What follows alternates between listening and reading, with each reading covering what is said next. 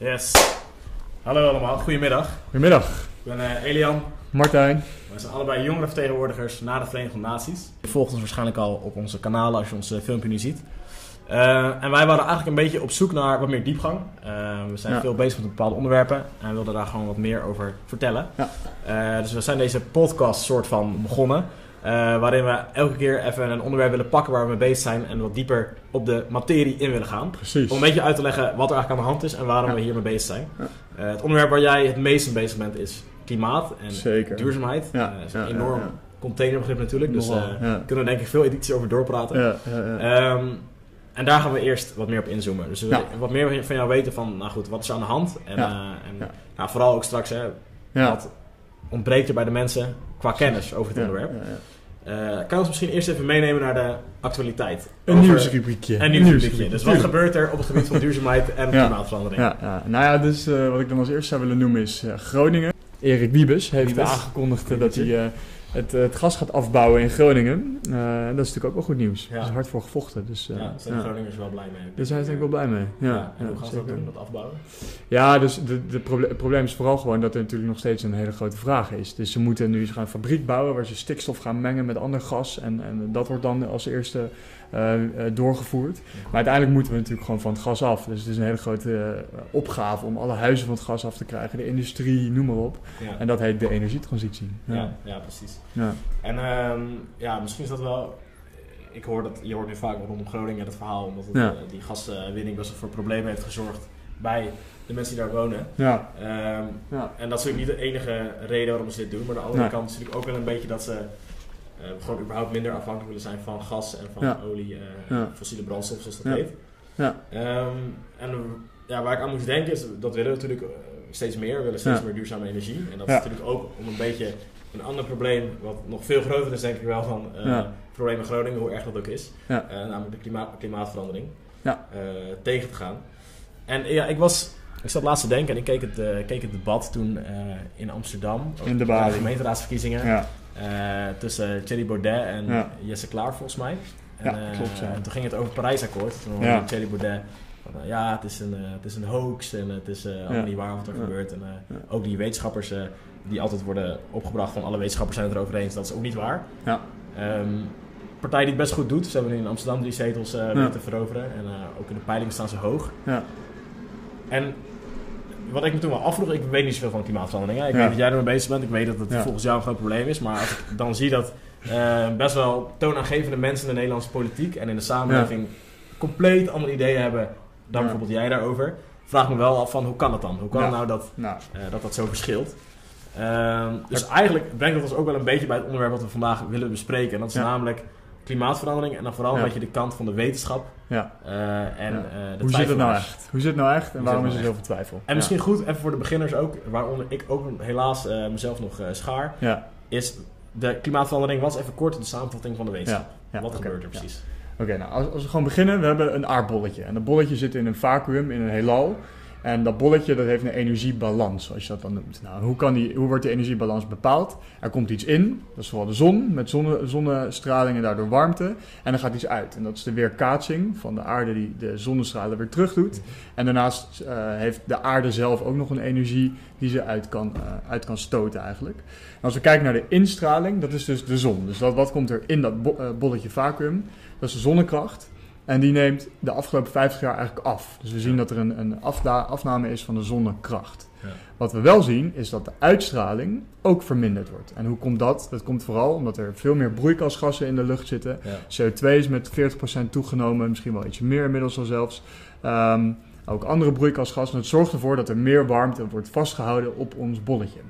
We zien ook dat die aarde opwarmt. Dus Ja. dat is gewoon, als je kijkt naar de natuurkunde, met een bolletje vacuüm is dat best wel logisch. Je kan ook kijken naar het verleden. De paleoclimatologie, zoals dat dan mooi heet. En dan Ja. kijken ze naar ijs en dan gaan ze meten in het ijs. Ja. En dan zie je dat eigenlijk de, de, de concentratie CO2 die we nu hebben, is de afgelopen 800.000 jaar nog niet zo groot geweest. En de temperatuur op aarde is de afgelopen 2000 jaar nog niet zo, niet zo hoog geweest. Ja. Misschien nog even, even terug voor mijn Ja. begrip. Hè? Dat is Ja. voor een hele hoop cijfers en een hoop eh, termen. Even naar het begin. Je zei, een van de dingen die een grote rol speelt is de zon. Ja.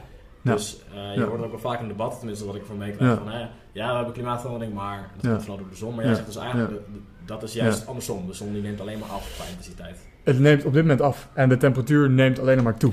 Ehm, dus de- eigenlijk kan het daar niet door verklaard worden. Dus wat we Nee. zien is een temperatuurstijging, heel, ho- heel snel en heel hoog. Ja. Ja. Die kan komen door de zon, wat nog meer?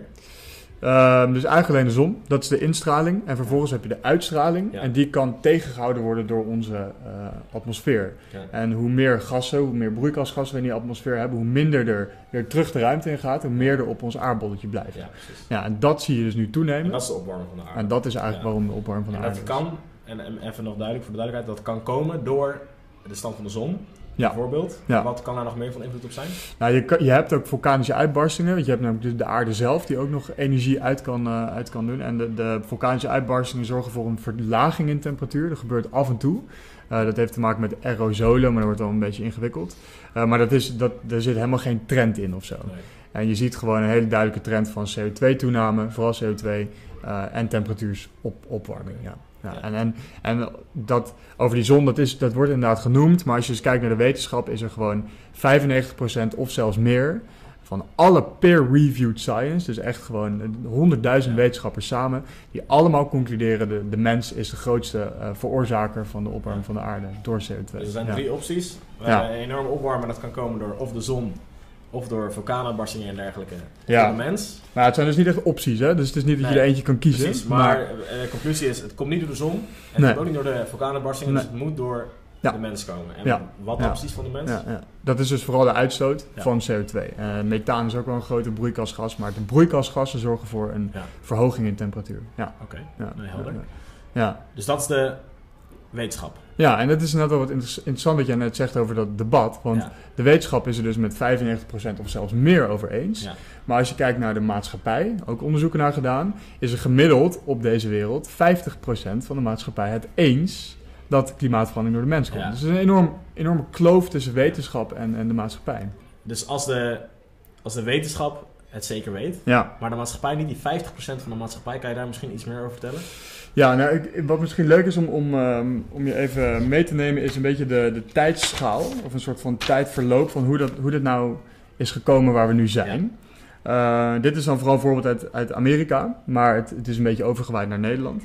En dat begint dus eigenlijk met de wetenschap die met feiten komt die een bedreiging vormen voor de westerse samenleving zoals wij die kennen. Weet je, we gaan aan het eind van deze eeuw naar 4 graden opwarming. Ja. Het gaat voor migratieproblemen zorgen. Het gaat voor eh, eh, honger, droogte, noem maar op. Ja. Allemaal problemen zorgen. Oh, de stijging van de zeespiegel. Eh, dus dat zorgt voor een soort van schok in een kleine groep in die westerse samenleving. Van oeps, dit, dit, is, eh, dit is schokkend. En waar het vooral raakte was in eh, de Amerikaanse groep die voor het libertarisme staat. Heel erg voor eh, de free market.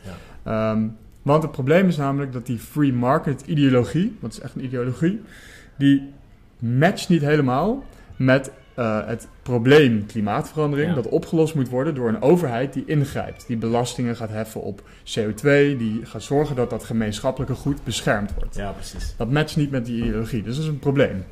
En eh, een andere ideologie die, die in Amerika wat, wat sterker is dan in Nederland, is de conservatieve christelijke ideologie, die echt zeggen van wij kunnen toch niet eh, God spelen. Weet je, dit is gewoon hoe God het Ja. heeft bedacht en wij kunnen daar niet. eh, maar goed, Ja. die, daar kan je echt weinig tegen inbrengen. Maar die andere ideologie is wel interessant. En die ideologie wordt natuurlijk gevoed door eh, grote bedrijven, in dit geval vooral fossiele bedrijven, die ook dit als een gevaar zien. Ja. Die ook heel erg leven op het vrije markt-ideaal natuurlijk. Dat en die. Die betalen dus die, die, die groep eh, ideologie van het libertarisme heel erg om een ongekende professionaliteit in communicatie naar buiten te brengen van, weet je wat, we doen gewoon alsof het niet bestaat. Want als Ja. je dat doet, dan kan je wel je ideologie blijven volgen. En dat compenseert dus eigenlijk bijna voor die 95% aan zekerheid die er bij de wetenschappers is. Ja. En dus die enorme investeringen in mediacampagnes en weet ik wat allemaal. Die Ja, ja, ja nou goed. En dat, een soort 50-50 bijna. Ja, nou ja, en dat, dat is dan. eh, Het heeft natuurlijk met heel veel dingen te maken. Ook als je kijkt in de afgelopen tijd is de maatschappij natuurlijk heel erg geïndividualiseerd. Eh, er is een kleuring van media in Amerika nog veel groter. Weet je, Fox News doet gewoon wat Trump zegt en CNN eh, het andere. Ja. Dus de media is ook niet meer onafhankelijk of wat dan ook. Ja. Eh, en eigenlijk in Amerika zie je echt een, gro- een groeiende kloof tussen die twee culturele hoofdstromingen. Van de Republikeinen en de Democraten. Ja. Kijk naar alles. Het gaat over wapens, wat dan ook. Er is geen discussie meer te voeren. Het, het is gewoon twee geluiden. Maar het probleem is dus vooral dat die wetenschap meegesleurd is in die. Culturele discussie, in die ideologische gevechten. En daardoor- doordat de wetenschap als een soort van tool gebruikt werd, is de, het vertrouwen in de wetenschap heel erg gedaald. Ja.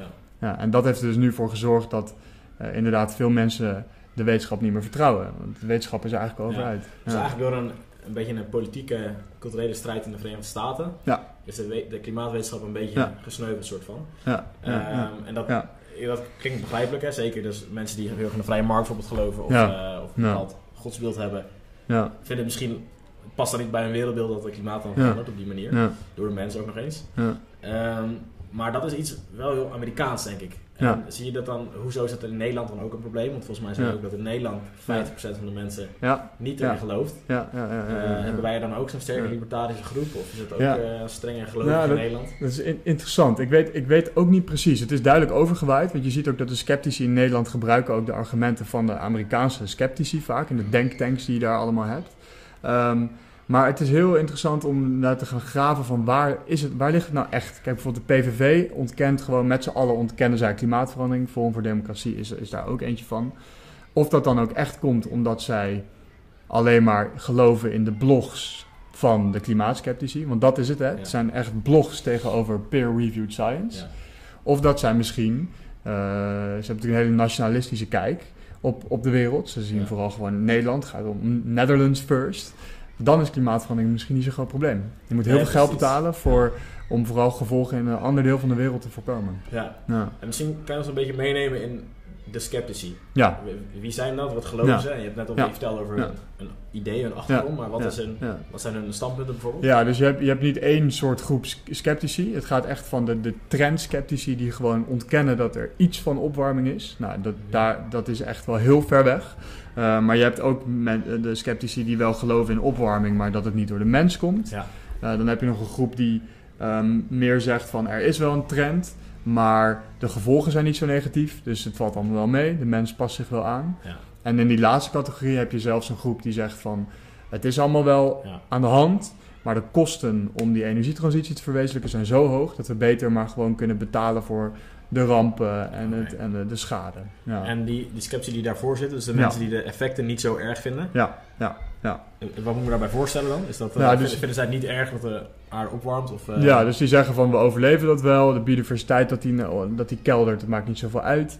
Eh, CO2 is een plantenvoedsel, hoor je ook vaak. ja. Eh, dat is wel zo, maar het, in een, als je in een kas de, de, de CO2-toename doet met ook de toename van voedingsstoffen, noem maar op, dan kan een plant inderdaad harder groeien. Op wereldschaal werkt dat hela- helaas helemaal niet zo. Ja. Ehm, maar ja, er zijn van alles wat ze zeggen. Maar dus dat is ja, een soort van wel het probleem erkennen, maar dan Ja. toch zeggen van ja, maar dat is niet echt een probleem. ja, precies. Ja, Maar oké, dus voor mijn begrip, die, eh, er is consensus onder de wetenschappers, zo goed als. ja. eh, over, ja, consensus meer dan 50%, zeker, ja. Dus, die, dus meer dan 50% van de klimaatverandering komt door de mens. Ja. En dat gelooft 95% van de wetenschappers. Zeker, Oké. ja.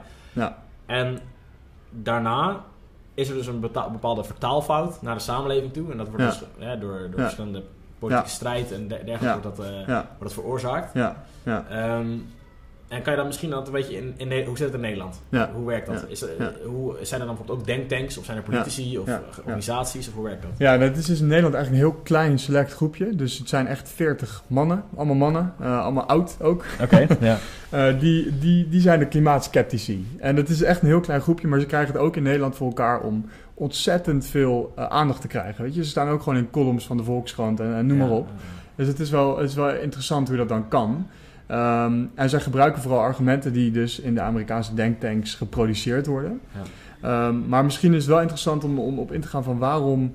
Hoe krijgen ze dat nou, nou voor elkaar, weet je wel, ook in Nederland. En er zijn verschillende ehm, eh, niveaus waar je naar kan gaan kijken. En als je allereerst kijkt naar gewoon een individu, het brein, psychologisch gezien, is klimaatverandering zo ontzettend moeilijk te verteren. Het is een eh, probleem wat je niet zintuigelijk waarneemt. Nee.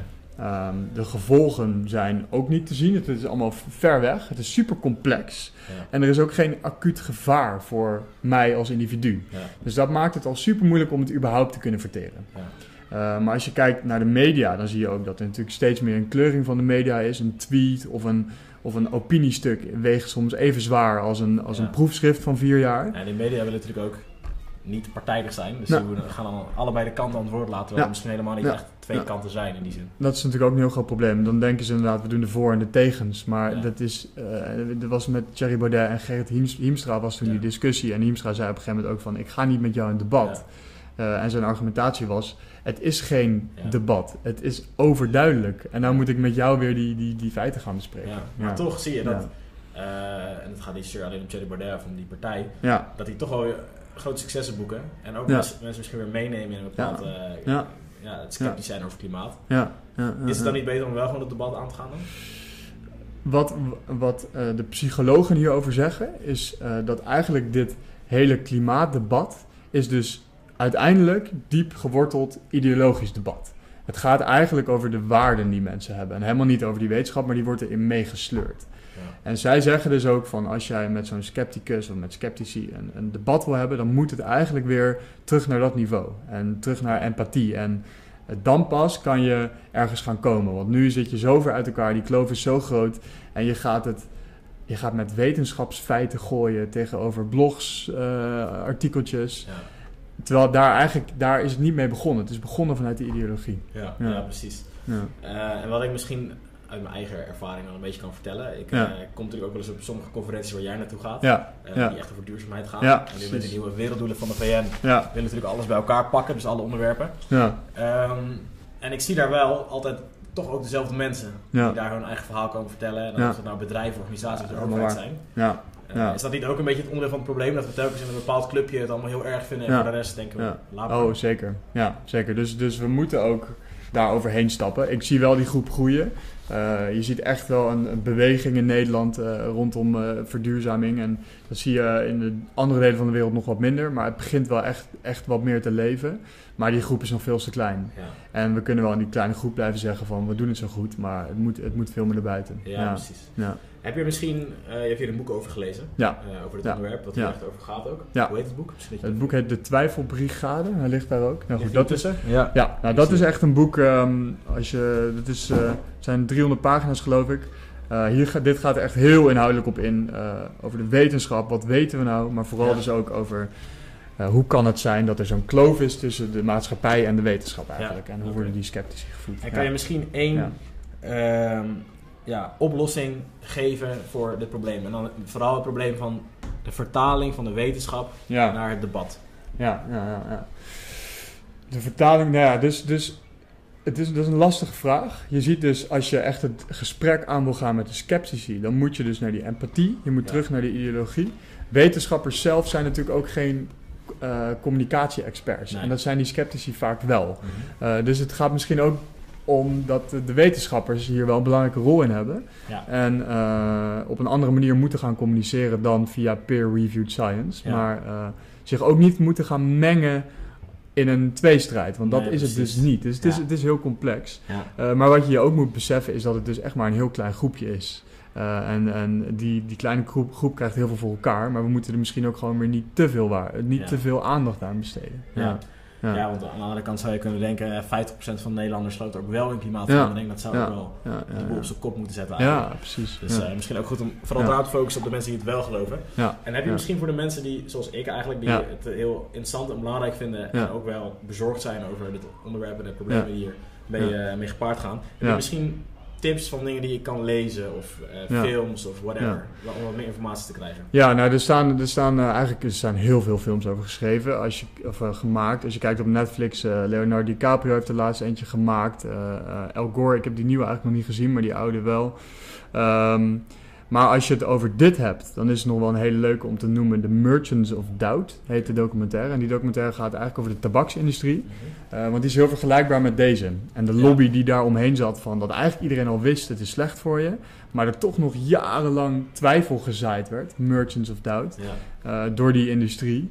En, en dat is heel vergelijkbaar met de klimaat. Je had dan ook van die dokters, toch? Dus die Ja, dokters die dan precies. eh, in films Ja. vertellen, ja, eh, tabak is niet slecht voor Ja. En, eh, Ja, precies dat. Ja, ja, ja, ja, ja. Nee, dus Ja. de Merchants of Doubt en de Twijfelbrigade. Ja. Ik, eh, als ik tijd heb, ga ik er zeker even, Mooi zo. even lezen. Ja, ja. Eh, top, erg interessant uh, Martijn. dankjewel. En hopelijk dat het je lukt om, zeker om de jongeren, maar Ja. voor iedereen wat bewustzijn te krijgen. Help ja, en ik ga je daarbij helpen inderdaad. Dat is mooi. nou, dit was eigenlijk de ja, eerste ja, editie of eerste Precies. aflevering van onze podcast. En We hebben nog geen naam. We hebben nog geen naam. Ja, dus als jullie nog een goede naam hebben voor deze podcast, of een goed idee hoe we het kunnen noemen, stuur, vooral, stuur het vooral in. ja. Eh, en het idee is dat we nu wat vaker ook echt de, even de diepgang in willen duiken. Ja. Eh, Dus ook als je een onderwerp ja, vet vindt om, om eh, te horen, dan eh, stuur maar in, dan kunnen we daarmee aan de slag. Ja. ja, en zeker omdat we het vooral belangrijk vinden dat er ook gewoon wel, wel kennis is. Want dat is blijkbaar een van de problemen hier. Er is te weinig kennis. Zeker bij klimaatverandering. Ja. Dus nogmaals bedankt. En hopelijk tot, tot de volgende keer. Tot de volgende keer.